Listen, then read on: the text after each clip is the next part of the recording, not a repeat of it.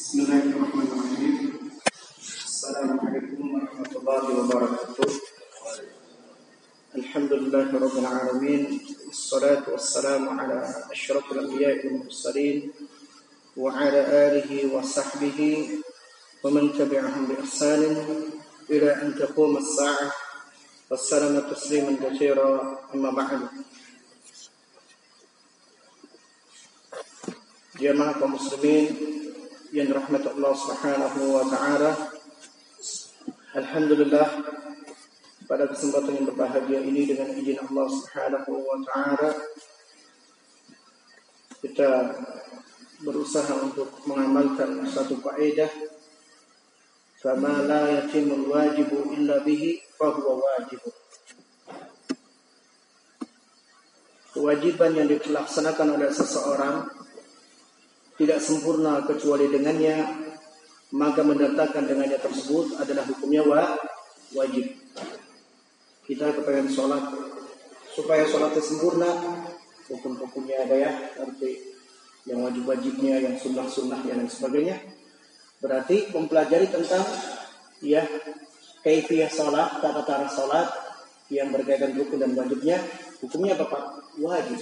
Karena Salat adalah hukumnya wajib dan seorang tidak bisa melaksanakan suatu perkara tersebut dengan sempurna kecuali dengan ilmu. Barakallahu Sebagaimana wa ma la yatimul masnun illa bihi huwa masnun. Suatu perkara sunnah tidak bisa dilaksanakan dengan sempurna kecuali dengannya, maka barakallahu fikum perkaranya juga hukumnya sun sunnah ya. Misalkan umroh hukumnya apa? Sunnah ya. Berarti mencari duit untuk umroh hukumnya apa? Sunnah. Karena seorang barakallahu fikum tidak bisa melaksanakan umroh untuk saat sekarang ini kecuali dengan duit. Betul nggak Pak? Iya, barakallahu fikum. Jadi insya Allah mudah-mudahan Allah memudahkan kita semua dengan niat untuk menjalankan sunnah walaupun mencari duit untuk melaksanakan umroh hukumnya apa? Sunnah. Barakallahu fikum. Demikian juga wasail mubah mubah ya. Semua pelantaraan yang mengantarkan mubah juga hukumnya mubah. Wa yatafarru 'alaiha an al-a'mal wa mukammilat tabi'an laha. Dan semua barakallahu fikum segala permasalahan ya kembali kepada niatnya barakallahu fikum. Ikhwan fillah azzanallahu wa iyyakum. Pada kesempatan yang mulia ini dengan izin Allah Subhanahu wa taala ya untuk sebagai sempurna dalam menjalankan kewajiban kepada Allah Subhanahu wa taala kita akan mempelajari ya yang berkaitan dengan ya tadi la yatimul wajib illa bihi fa wajib. Seorang tidak sempurna melaksanakan kewajiban kecuali dengannya maka mendatangkan dengannya itu hukumnya wa, wajib ya. Jadi kalau malam hari ini kita berusaha untuk belajar surat Al-Fatihah enggak apa-apa ya, Pak.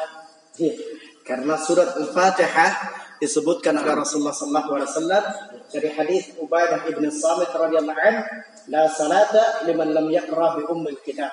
Salatnya seseorang tidak sah kalau tidak membaca surat Al-Fatihah. Hadis riwayat Bukhari, ya.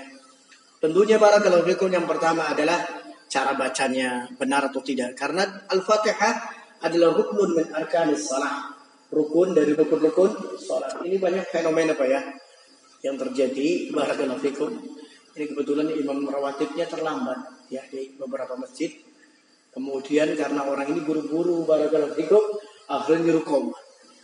Begitu komat barakallahu fik ya ini ada orang imam subhanallah nggak bisa baca Quran barakallahu fikum. Artinya melafadzkannya betul-betul masih belum sesuai dengan lahjatul Arabiyah ya uh, logatnya bahasa Arab barakallahu fikum panjang pendeknya makhrajnya rusak dan sebagainya.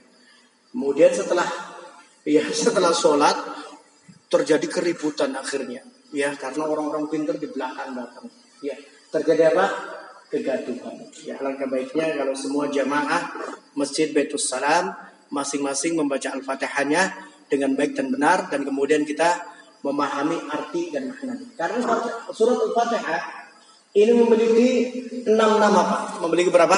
Enam. Subhanallah ya.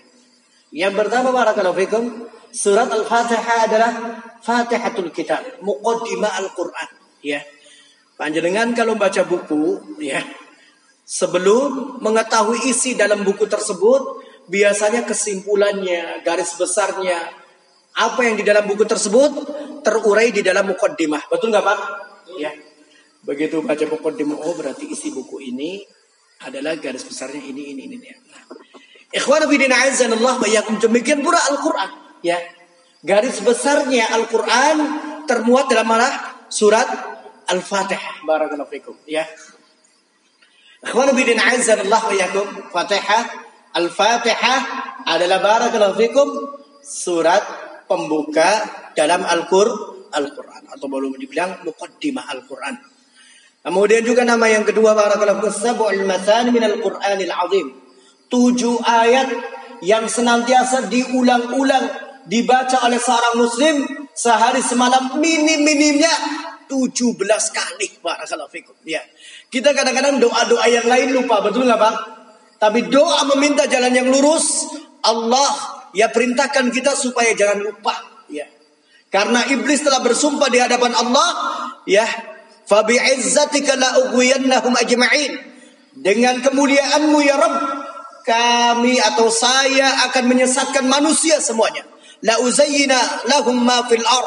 Saya akan hiasi semua apa yang di dunia ini. Hiasi semua. Ya. Di pemerhati ini kelemahannya duit. Dihiasi untuk duit. Ini kelemahannya kedudukan. Dihiasi untuk kedudukan. Ini kelemahannya perempuan. Terus dihiasi. Ya, barakallahu fikum. Lebih-lebih kalau usia sudah menurut saya ubah ya, mencapai 40 tahun. Ada sebuah riwayat ya disebutkan dari Abi Hurairah bahwa Rasulullah SAW Wasallam bersabda ya idza balagha ar-rajul umruhu 40 sana wa lam yablugh wa lam yaglub khairuhu syarrih qabbalahu syaitanu baina 'ainihi apabila seseorang umurnya sudah mencapai 40 tahun kemudian kebaikan tidak mengalahkan keburukannya ya artinya oh, fadilahnya tidak mengalahkan kekurangannya.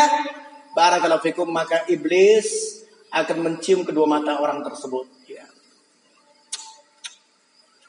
Anta muttabi'ini ana muttabi'ini wa ilaka wa ilaka engkau akan menjadi pengikutku di neraka jahanam engkau akan masuk ke dalam neraka jahanam bersama. Celaka celaka celaka. Barakallahu fikum. Ya ini hadis sebagaimana disebutkan oleh al-Imam Ibnu Zauzi dalam kitab Musnadul Wa'idin lisami'in barakallahu fikum dan diriwayatkan Tirmidzi dengan sanad yang hasan. Ya makanya Rasulullah sallallahu alaihi wasallam nubbi'a wa ursila bi'umri arba'ina sana isyaratan liman yatahalla biha. Ya Rasulullah sallallahu alaihi wa ala alihi wasallam diangkat sebagai seorang nabi dan rasul umur 40 tahun. Betul nggak Pak itu sebutnya isyarat dari Allah ya bahwa umur itu adalah umur 40 tahun ilmu umur yang menentukan arah hidupnya dia mau ke mana barakallahu fikum dan juga Nabi Allah Ibrahim alaihissalam ya diutus sebagai seorang rasul ketika masih bujangan, Pak, masih muda. Ya, man fa'ala bi alihatina. Siapa yang melakukan Tuhan-Tuhan kami ini yang meruntuhkan berhala-berhala ini? Ya, qalu fataya yudhkaru lahu Ibrahim. Yang berbuat adalah seorang pemuda yang bernama Ibrahim alaihissalam. Ya. Kemudian walamma balagha arba'ina sana qala rabbi auzi'ni an ashkura ni'mataka allati an'amtu alayya. Ketika Nabi Allah Ibrahim alaihissalam umur sudah mencapai 40 tahun dalam surat Al-Ahqaf ya langsung beliau meminta kepada Allah an ashkura ni'mah supaya diberikan taufik agar bisa mensyukuri nik nikmat. Jadi orang sudah 40 tahun itu sudah nikmat ya hidup apa saja sudah pernah dicicipi, betul Pak? Ya. Mangan apa aja sudah pernah lah ya. Barakallahu fikum. Gurame ya bolak-balik barakallahu fikum. Sate ya bolak-balik, ya rendang bolak-balik barakallahu fikum. Ada orang baru lahir ya, umur tiga bulan meninggal dunia. Saya punya tetangga depan rumah, ya, barakallahu fikum, gara-gara panas, ya, dua bulan meninggal dunia anaknya barakallahu fikum laki-laki. sampai orang tuanya sok barakallahu umur ya. Kalau panjenengan sudah merasakan hidup di dunia ini 40 tahun berarti sudah betul-betul merasakan nikmat ya. Betul nggak pak? Ya merasakan dan sebagainya. Istri ya merasakan perempuannya sudah puas. Betul nggak pak? Merasakan harta ya sudah lah barakallahu fikum makanya ketika Nabi Allah Ibrahim alaihissalam mencapai umurnya 40 tahun berdoa kepada Allah supaya diberi kemudahan untuk apa mensyukuri nikmat. Banyak Pak ya orang yang lalai dari ini ya. Sudah umur 40 tahun, kelalaian ibadah, kelalaian ketaatan ya. Wis pokoknya tambah nyokok, tambah nyokok dan sebagainya barakallahu. Rabbi auzi'ni an ashkura ni'mataka allati an'amta 'alayya wa 'ala walidayya wa an a'mala salihan tardah. Kemudian setelah beliau ya berusaha untuk antara diri beliau dengan Allah yaitu bersyukur kemudian hablum minan nas yaitu supaya sama keluarga khususnya kedua orang tua bisa berterima kasih. Barakallahu fikum. Ya. Ikhwan bin azanallah wa iyyakum barakallahu fikum. Tiga perkara kata Abdullah bin Abbas tidak akan dipisahkan satu dengan yang lainnya Salasatul umur la yufarriqu bainahunna idza taraka bihinna ibnu adam kana naqasan minhunna wa laysa lahu haddun minal iman wat taqwa Kata Abdullah bin Abbas radhiyallahu taala anhuma, tiga perkara yang tidak mungkin seseorang meninggalkan satu dengan yang lainnya. Yang pertama adalah barakallahu fikum taatullah, taat kepada Allah. Wa taatur rasulih, taat kepada rasulnya. Wa ta'atu liwalidain dan taat terhadap kedua orang tua barakallahu fikum, ya. Jadi tidak mungkin seorang itu taat kepada Allah tapi tidak taat kepada kedua orang tua, tua nggak mungkin, ya. Makanya aniskurli wali walidayya. Bersyukurlah kepadaku dan bersyukurlah kepada kedua orang tua. Ya. Ketika Nabi Allah Ibrahim alaihissalam ya berdoa supaya antara diri beliau dengan Allah yaitu mensyukuri nikmatnya, kemudian minta dimudahkan supaya berbuat baik terhadap keluarganya barakallahu fikum. Ikhwan bidina Allah berbuat baik dengan keluarga itu bukan masalah sepele Pak ya. Ikhwan bidina Allah wa yakum. Ada salah seorang sahabat sebagaimana dalam ya manaqibu Sa'ad radhiyallahu ta'ala wa huwa min ru'usil ansar. Beliau adalah salah seorang tokoh dari tokoh-tokoh Ansar barakallahu fikum ya. Digempit kuburannya ya padahal Rasulullah sallallahu alaihi wasallam saat itu tergopoh-gopoh barakallahu fikum mengurusi zanazah beliau dan malaikat turun dari langit barakallahu fikum untuk menyaksikan zanazahnya. Tapi karena ada satu perbuatan yang beliau pernah melakukannya adalah Isa ili ahli. Pernah berbuat jelek dengan keluarganya. Sampai kemudian Allah balas ketika itu kuburannya dikempit barakallahu fikum. Bagaimana dengan kita barakallahu fikum? kita nggak punya kedudukan apa-apa betul Ini sahabat ya akhi. Barakallahu fikum. Sa'ad bin Mu'ad radhiyallahu taala tokoh Ansar ya yang pertama kali menjamin Rasulullah wasallam ketika datang ke Madinah ya akan kami tolong dan akan kami muliakan barakallahu fikum walladzina tabawwa'ud dar wal iman yuhibbuna man hajara ilaihim wa la yajiduna fi sudurihim wa yu'siruna ala anfusihim walau kana bihim khasasa. Wa man yuqa syukha nafsihi fa ulaika humul muflihun. Yaitu orang-orang yang mempersiapkan tempat tinggal untuk orang-orang berhijrah. Ya. Walladzina tabawwa'ud dar wal iman. Dan mempersiapkannya itu bukan karena kesukuan, bukan karena daerah bukan. Wal iman karena apa? Iman barakallahu fikum ya. Jadi kekuatan iman barakallahu nggak kenal ya, jauh luar negeri tapi karena iman sama-sama iman seperti apa? Satu jasad.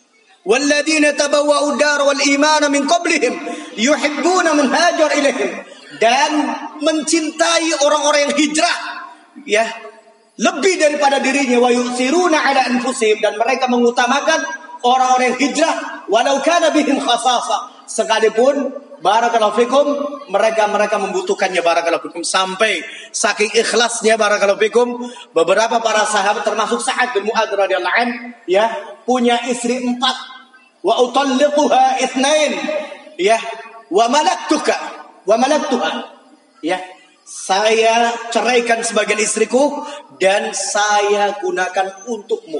Barakallahu fikum. Ya, Sampai istri aja dikasihkan barakallahu fikum. Apalagi yang lain-lainnya barakallahu Betapa sucinya hati mereka para sahabat radhiyallahu termasuk salah satu tokoh dari Ansar adalah Sa'ad bin ya radhiyallahu anhu wa ardah tapi karena barakallahu ya beliau pernah pernah.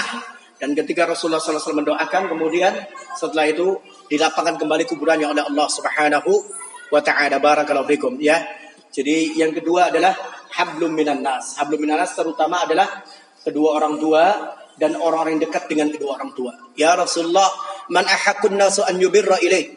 Siapa manusia yang paling aku utamakan dalam kebaikan? Ibumu, ibumu, ibumu, summa abuka, summa adnaka, summa adnaka. Wa fi riwayah, summa adnaka min abawai. Kemudian yang paling dekat dengan kedua orang tuamu yang paling dekat kedua orang tuamu. Barakallahu fikum. Iyakum ini sehingga ada buku namanya Misteri Umur 40 Tahun. Ya Pak. Jadi monggo sebagai introspeksi kita semuanya Pak ya. Jangan sampai setan mencium kening kita naudzubillah. ya, jangan sampai ini ya. Ikhwan bidina azanallah wa yakum umur 40 tahun. Jamaah dirahmati Allah Subhanahu wa taala kita kembali yang akan kita bahas adalah tentang surat Al-Fatihah. Ya, ya. Surat Al-Fatihah nama lainnya adalah Sab'ul Mathani minal Qur'anil Azim. Walaqad atainaka sab'an minal mathani minal Qur'anil Azim. Dalam surat Al-Hajj ayat 87 Allah Subhanahu wa taala menyatakan Al-Hajar sungguh telah kami beri engkau dan umatmu subhanallah. Ini disebutkan oleh Imam Ibnu Katsir, surat Al-Fatihah itu adalah salah satu surat keutamaan umat Islam. Ya, ya. Bagaimana tidak? Ya, kita dalam keadaan manusia yang punya sifat luput, lalai, lalai dan sebagainya. Tapi subhanallah, ya 17 kali minta jalan yang lurus barakallahu fikum. Ya. Buat apa hidup di dunia ini kalau tidak mendapatkan jalan yang lurus? Betul gak Pak? Sementara dan ketahuilah jalan yang lurus ini kata Syekhul Islam Taimiyah dalam kitab Majmu Fatwa, muta'alwilihan bisiratil ladhi yansubu ala dhahril jahannam wa huwa adaqqu min as-sa'ab wa ala hajj min as-sayf. Ya, siratul mustaqim ini akan berkaitan dengan sirat nanti di akhirat. Yang mana sirat tersebut lebih lembut daripada rambut ya dan lebih tajam daripada pedang dan dibentangkan di punggungnya neraka jahanam barakallahu fikum. Orang yang jatuh ya jatuh dalam neraka jahanam barakallahu fikum. Yauma naqulu li jahannam hal imtala'ti wa taqulu hal min mazid. Di suatu hari Allah berkata kepada neraka jahanam, apakah engkau sudah penuh? Kemudian neraka jahanam menjawab, apakah masih tambah, ada tambahan-tambahan lagi barakallahu fikum? Ya, neraka jahanam, neraka yang ringannya saja sudah sering saya sampaikan. Para apinya ditempelkan ke tumitnya manusia, ya, seluruh tubuhnya matang dan otaknya melepuh. Ini neraka yang paling ringannya apalagi neraka jahanam barakallahu fikum. Dan ini sirat dibentangkan kata Rasulullah SAW ada dhahri jahanam di punggung neraka jahanam. Ya. Dan seorang akan melewati sirat tersebut sesuai dengan perbuatannya di dunia. Dan kata Syekhul Islam Taimiyah itu sangat berkaitan dengan sirat yang ada di dunia ini barakallahu fikum. Ketika seorang di dunia mendapatkan jalan yang lurus dia akan selamat. Tapi kalau seorang di dunia mendapatkan jalan yang bengkok, dia akan terjatuh. Nauzubillah min dzalik. Barakallahu fikum. Makanya dengan rahmat Allah dan kasih sayangnya, ya Allah wajibkan kita untuk meminta jalan yang lurus sehari berapa kali, Pak? 17 kali. Lebih penting daripada doa-doa yang lainnya. Ya, lebih penting daripada doa-doa yang lainnya. Doa minta suki penting ya. Doa minta kesehatan penting ya, Pak. Barakallahu doa minta keluarganya supaya diberkahi penting. Tapi ada yang lebih penting daripada semua doa, yaitu minta jalan yang lu lurus. Barakallahu fikum. Ya. Kalau ada yang lebih penting kata para ulama daripada doa meminta jalan yang lurus, niscaya Allah akan perintahkan selainnya. Barakallahu fikum. Ya, kalau ada doa yang paling penting untuk manusia selain jalan yang lurus, niscaya Allah Subhanahu wa taala akan mewajibkan lebih daripada surat Al-Fatihah. Ternyata kata para ulama tidak ada doa yang paling agung, yang paling penting dalam kehidupan kita kecuali doa apa Pak? Meminta jalan yang lurus. Ya Pak ya? Barakallahu karena iblis sudah bersumpah. la la la uqad la aqudanna ala siratikal mustaqim. Saya akan duduk ya di jalan yang lurus. Duduk. Summa la'tiyannahum min baini aydihim wa min. Kemudian saya akan datangi manusia dari depan, belakang, kanan, kiri, bahkan disebutkan dalam ayat yang lain atas dan bawah. Ya. Jadi sittatul aujuh i'tiyahumul syaitan dari enam arah iblis akan mendatangi kita barakallahu. Kalau bukan rahmat Allah dan karunia-Nya dan taufiknya sulit sekali. Betul nggak? Dari enam arah, Pak. Depan, belakang, kiri, kanan, atas dan bawah. Barakallahu fikum. Khawar bidin azzadallahu yakum sab'ul mathali wal minal Qur'anil azim. Kemudian ya nama yang ketiga surat Al-Fatihah adalah as-salah ya. Suratus salah. Jadi kalau panjenengan ada ngomong baca surat salah ya, panjenengan langsung dimaksud langsung ngerti yang dimaksud surat? Al-Fatihah. Tapi kalau orang yang belum belajar surat Al-Fatihah ya, surat salah siapa ya? Apa ada surat salah? Enggak ada Bapak ya? Dari dari Al-Fatihah sampai Anas enggak ada surat namanya surat apa? As-salah ya. Ternyata dulu para sahabat juga para ulama menamakan salah satu nama surat Al-Fatihah suratus salah. Surat salah. Ya. Salah ini ya maknanya ada tiga pak. Salat itu maknanya ada tiga ya. Ini bahasa Arab makanya orang kalau menerjemahkan bahasa Arab tidak mengerti bahasa Arab rawan salah. Jenengannya salat saja ya ada maknanya tiga. Kemarin sudah kita sebutkan jenengannya ayat saja maknanya banyak ya Pak ya. Ada maknanya tanda-tanda, ada maknanya adalah keagungan Allah, kebesaran Allah, macam-macam.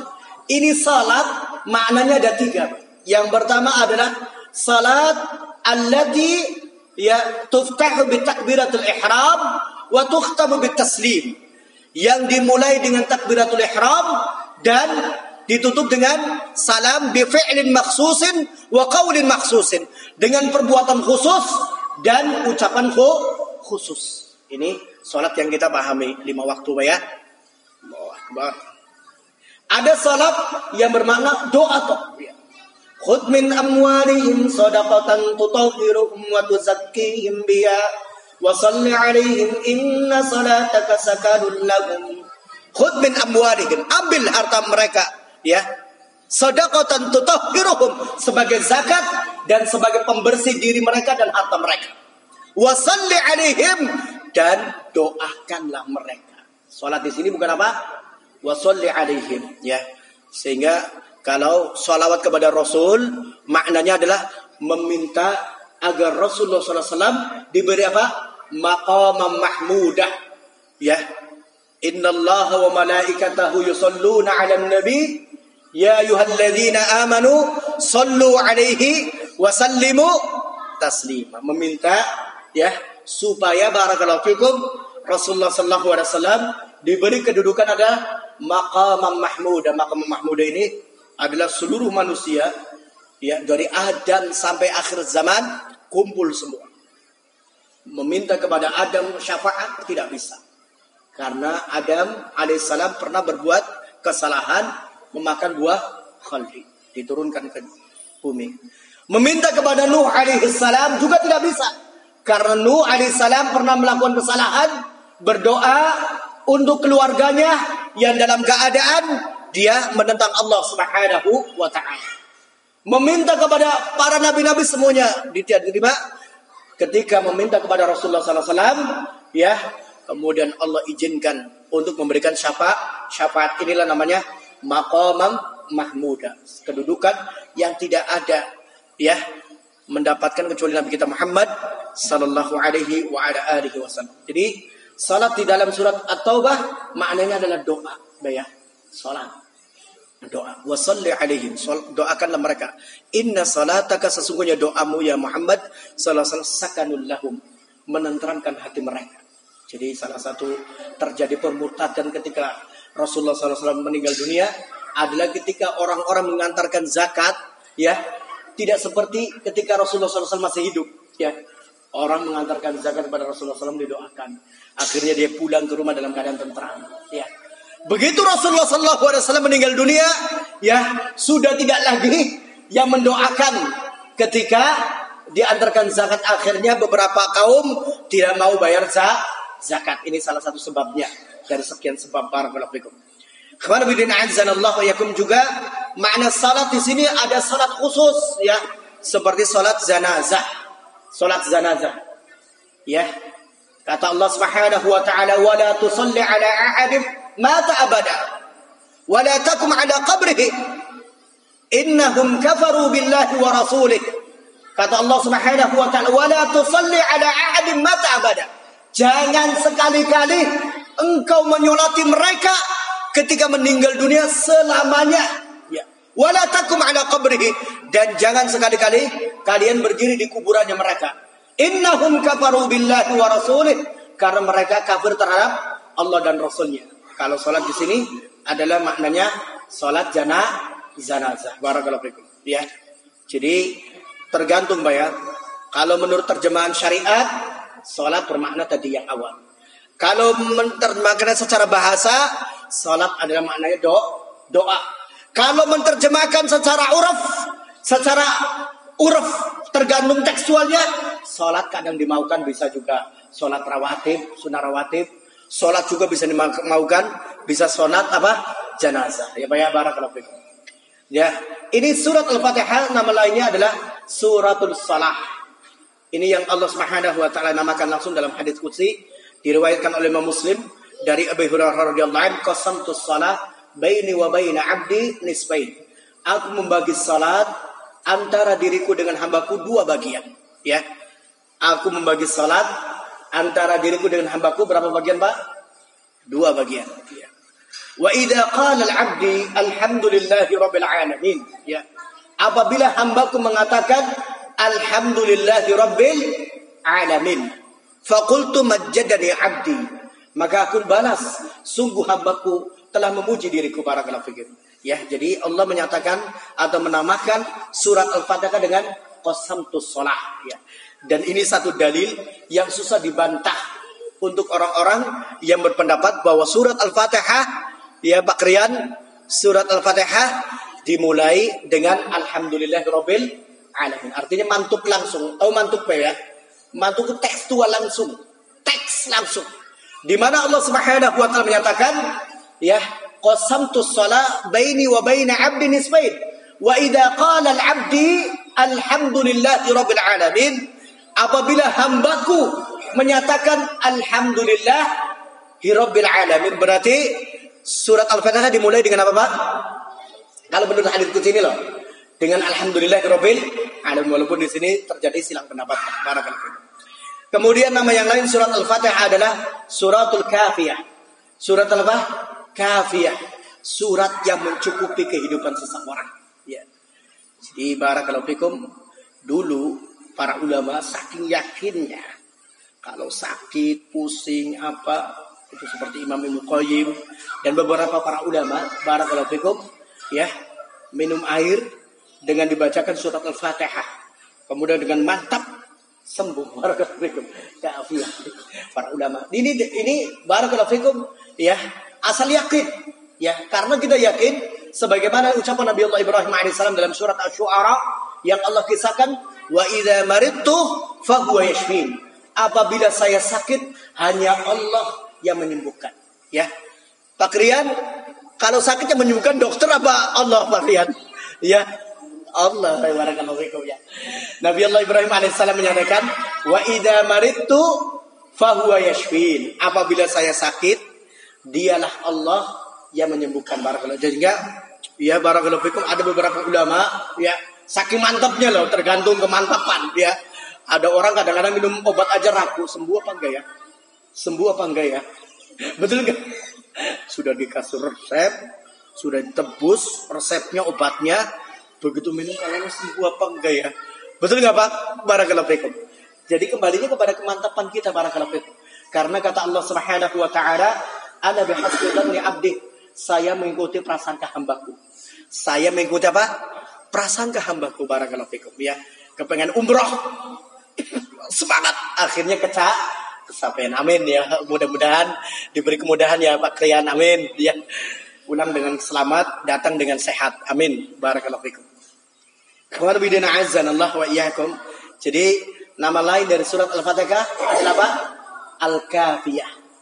Kemudian juga nama yang kelima adalah suratul ruqyah surat yang digunakan untuk ruqyah ya jadi nggak perlu istilahnya kalau memang antum panjenengan semua yakin kepada Allah, merasa dekat dengan Allah, istilahnya nggak perlu manggil-manggil tukang ruk, rukyah barakallahu fikum, ya. Allah misalkan teman kita, saudara kita kena gangguan jin di sini. Saya bacakan surat Al-Fatihah. Kalau memang betul-betul di dalamnya ada jin, ya baru audhu saja sudah jenggilitan, Pak. Ya, saya insya Allah grupnya itu bukan satu kali dua kali. Waktu saya mondok insya Allah puluhan bahkan ya hampir dihitung hampir ratusan barang fikum ya. Kalau bidin azan Allah jadi begitu orang tersebut di dalamnya ada jin baru berhadapan saja ya sudah mukanya sudah menampakkan muka-muka kebencian terhadap orang yang mau ya baru berhadapan jinnya jahat ya orang jahat ketemu kiai ya kesung nggak bang Orang jahat ketemu ustaz kesunggah. Ya, istilahnya loh. Ini jinnya jin jahat. Kalau jin baik tidak mungkin akan mengganggu orang, betul nggak Pak? Dan antum harus mengat, harus meyakini bahwa di antara jin wa anna minal muslimuna wa minnal qasitun. Di antara kami ada yang membangkang dan di antara kami ada yang mus muslim. Dari jin ada yang beriman dan ada yang kafir, ya. Wa wa id uh, kata Allah Subhanahu wa id nafara ilaika wa id Kata Allah Subhanahu wa taala uh, Allah Subhanahu wa taala menyatakan ingatlah ketika nafaru minal jinni yastami'un al-Qur'an. Allah beritahukan kepada engkau yang Muhammad bahwa sekelompok bangsa jin mendengarkan Al-Qur'an. Kemudian ketika selesai mereka pulang kepada masing-masing kaumnya kemudian mendakwahkan kaumnya barakallahu fikum. Dan ikhwan bidina azan Allah wa yakum bangsa jin ini umurnya beribu-ribu tahun memang Pak ya. Sehingga ketika walamma qada walla ila qaumihi mundir qalu ya qaumi inna sami'na kitaban unzila min ba'di Musa musaddiqan lima baina yadayhi ya. Ya wahai kaumku aku mendengar kitab ya yang diturunkan setelah Musa alaihissalam jadi kitab yang pernah dijanjikan oleh Taurat dan Injil yaitu kitab Al-Qur'an Al-Qur'an. Barakallahu ya antara Nabi Allah Muhammad sallallahu alaihi wasallam dengan Nabi Allah Musa berapa tahun, Pak? Ya. Berapa tahun? Di dalam satu riwayat adalah 1665 tahun. Tinggal. Berapa tahun, Pak? 1600 ya 65 tahun. Ya. Jin mengerti bahwa kitab ini Al-Quran adalah kitab yang pernah dijanjikan oleh Musa alaihissalam karena jin umurnya beribu-ribu ta tahun. Dan jin ini punya nama apa ya? Jin itu memiliki na nama ya. Wa qala ifritun minal jinni ana atika qabla an taquma min maqamik. Berkatalah ifrit dari kalangan jin ya. Jadi jin ini punya nama ya. Barakallahu fikum. Jin ifrit ya. Saya akan datangkan istananya Balqis ya sebelum engkau bangkit dari tempat dudukmu ya Sulaiman alaihissalam. Tapi kalah dengan siapa Pak? Dengan orang yang berilmu, ya. Menawarkan orang yang kuat juga kalah dengan Wa alladziina utul ilm ana atika qabla an tartadda tarfu. Saya akan datangkan istanamu sebelum engkau mengejamkan matamu. Sebelum kedip mata sudah ada istananya di depan. Doa kepada Allah, orang berilmu, orang bertakwa kepada Allah, ya. Orang yang saleh, berilmu, mengamalkan ilmunya berdoa ya Allah datangkanlah istana. Sekejap ya, datang barakallahu fikum wa idza aradallahu syai'an an yaqulu lahu kun fayakun. Apabila Allah menghendaki suatu perkara cukup bagi Allah terjadi. Dan kemudian apa? Terjadi barakallahu jadi orang yang paling kuat di dunia ini adalah orang yang berilmu Pak ya. Menurut Al-Qur'an Al-Qur'an. Barakallahu fikum ya. Orang yang paling kuat adalah siapa Pak orang yang berilmu bisa mendatangkan istananya Ratul Balqis sebelum Nabi Allah Sulaiman alaihissalam mengecapkan matanya barakallahu fikum. Ya, kalau jin tadi apa? Mendatangkan sebelum beliau tak angkat dari kakinya eh, dari tempat duduknya. Khawat bidin azan Allah. Adapun surat Al-Fatihah namanya surat Ruqyah itu dalilnya dari Abu Sa'id Al-Khudri yang diriwayatkan oleh Bukhari dan Muslim. Ya, ketika beliau bersama temannya bermalam uh, pepergian kemudian datang waktu malam istad'afu ahadul ahya'il a'rab meminta supaya dijadikan tamu. Fa'abawu mereka menolaknya, ya, menolak untuk dijadikan tamu. Walughidu ahadu minhum ya minal hayya. Kemudian salah seorang di antara mereka tercokot atau terantuk ya tergigit u, ular. Falat fatalabu min ahad minhum an yukriya. Kemudian salah seorang dari tokoh tersebut meminta kepada salah seorang sahabat supaya merukyahnya. Tapi kemudian Abu Sa'id al-Khudri meminta, saya mau rukyah. Syaratnya pertama disembelihkan ya satu ekor kambing dan mempersilahkan kami menjadi tamu. Ya, he. Begitu dirukyah dengan izin Allah sem sembuh. Ya. Ini ya. Kecopot ular ya. Karena yang membaca adalah Abu Sa'id Al-Khudri radhiyallahu dan betul-betul yakin dengan izin Allah ya sem sembuh. Ular Arab ya ular padang pasir. Para kalau mengerikan ya. Kawan bidin azanullah falamma raja'u fa ukhbiru li Nabi alaihi salatu wassalam. Ketika pulang dan mengabarkan perbuatan tersebut pada Rasulullah SAW dan kata Rasulullah SAW wa ma adraka annaha ruqyah siapa yang memberitahukan kalau surat Al-Fatihah itu adalah surat ruk ruqyah? Ya jadi barakallahu fikum. Nama yang kelima surat Al-Fatihah adalah apa suratul ruqyah. Kemudian nama yang terakhir adalah Quranul Azim. Sebagian para ulama menyatakan adalah Quranul Azim. Nama Quran yang mulia barakallahu fikum. Jadi makanya kita jangan sampai nggak bisa membaca surat Al-Fatihah dengan baik dan benar. Monggo sebelum saya ya, sebelum saya membacakan tafsirnya, panjenengan nggak sungkan-sungkan mari kita talqin, talqin Pak ya. Dari mulai a'udzu sampai ya waladhdallin, makhrajnya, panjang pendeknya. Setuju nggak Pak Rian? Eh? Setuju nggak? Ya. Nggak apa-apa ya. Insyaallah. Coba. A'udzu billahi minasy syaithanir rajim. Coba.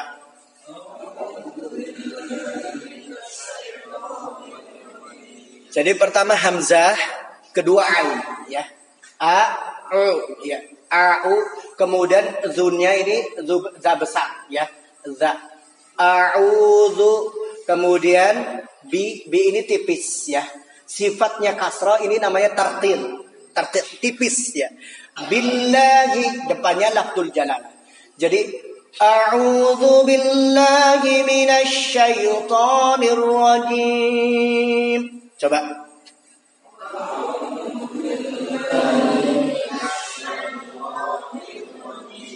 Jadi panjenengan ngerti setiap apa yang dibaca huruf-hurufnya ya. Jangan asal pertama hamzah, kemudian ain, au, ainnya ternyata depannya ainnya berdomah, kemudian depannya ada wawu sukun. Itu namanya matobi'i. Matobi'i ya, matabiat ya. Jadi orang itu kalau sudah terbiasa dengan panjang pendeknya, barakallahu fikum, ya ketika panjang pendeknya nggak sesuai dengan tabiat, kupingnya gatel barakallahu fikum, ya. Makanya orang pakar-pakar terhadap Al-Quran ini baca lima, lima ini baca semua. Dia ngerti ini salah, ini benar. Cuma menggunakan apa? Telinga dan ini barakallahu refleks luar biasa barakallahu ya. Jadi namanya juga matobi'i. Qala qila yaqulu. Qal qala yaqulu qila. Jadi qala apabila fathah di depannya alif sukun maka dipanjangkan satu ketukan. Apabila domah ya depannya wawu sukun dibacakan satu ketukan. Apabila kasrah depannya ya sukun dibaca satu ketukan. Ini namanya matobi'i. Jadi orang Arab mengucapkannya tidak perlu ya belajar lagi sudah tabiatnya seperti itu. Qala yaqulu qila. Qala yaqulu qila. Jadi kalau orang belajar membaca Quran panjang pendeknya belum bisa berarti dia tidak mengerti tabiatnya lahjah bahasa Arab ya Pak ya. Qala yaqulu. Jadi A'udzu billahi minasyaitonir rajim. Coba.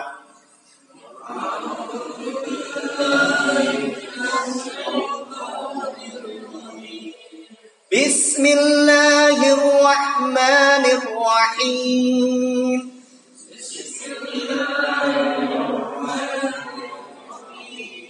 Bis, bi tipis banyak bis ya.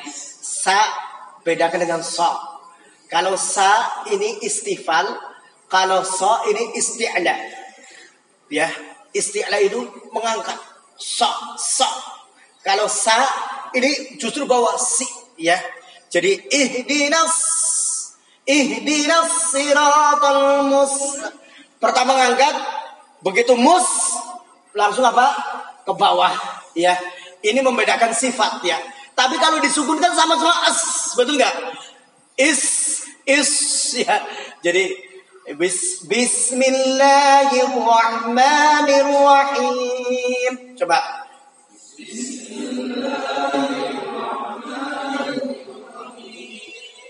Alhamdulillahi Rabbil Alamin.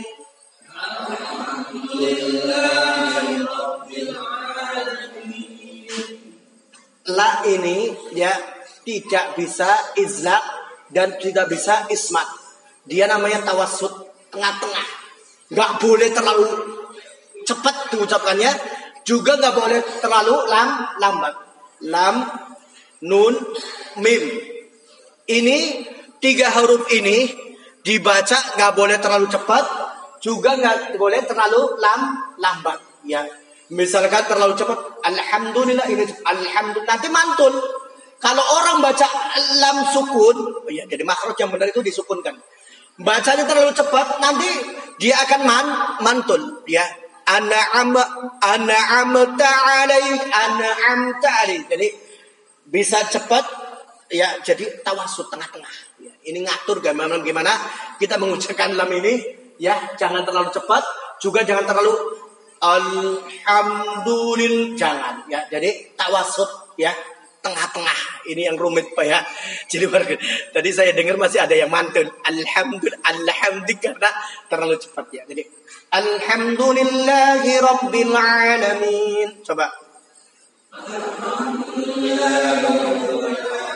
Hi, hinya, hinya. Alhamdulillahi Rabbil Alamin. Hinya di hi ya Alhamdulillahi Rabbil Alamin. Jadi masih kedengaran anda, ya, anda, anda ini kadang terlalu cepat. Jangan cepat ya. Jangan cepat-cepat dan juga jangan lambat-lambat. Jangan alhamdulillah jangan ini salah ya. Jadi dia bainal izlaq wal ismam. Antara ditahan dan juga antara ce, cepat tengah-tengah. Barakallahu fikum. Ya. Alhamdulillahi Rabbil Alamin.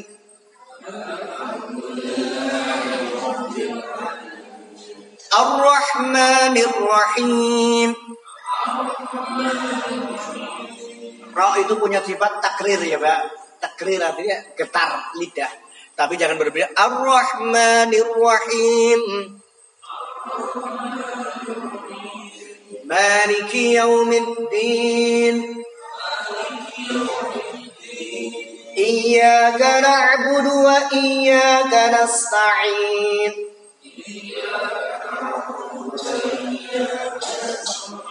Nah, termasuk ain. Ain ini nggak boleh terlalu berhenti, nggak juga tak boleh terlalu cepat. Ya, jadi lam, nun, ya. lam, nun, mim, ain.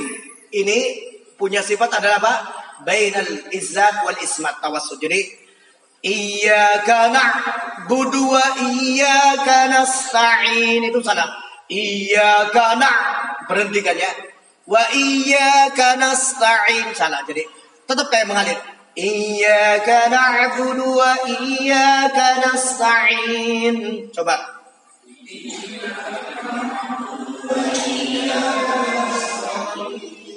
Ihdinas siratal mustaqim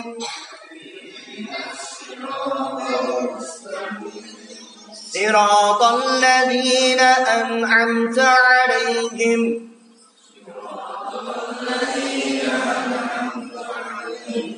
غير المغضوب عليهم ولا الضالين.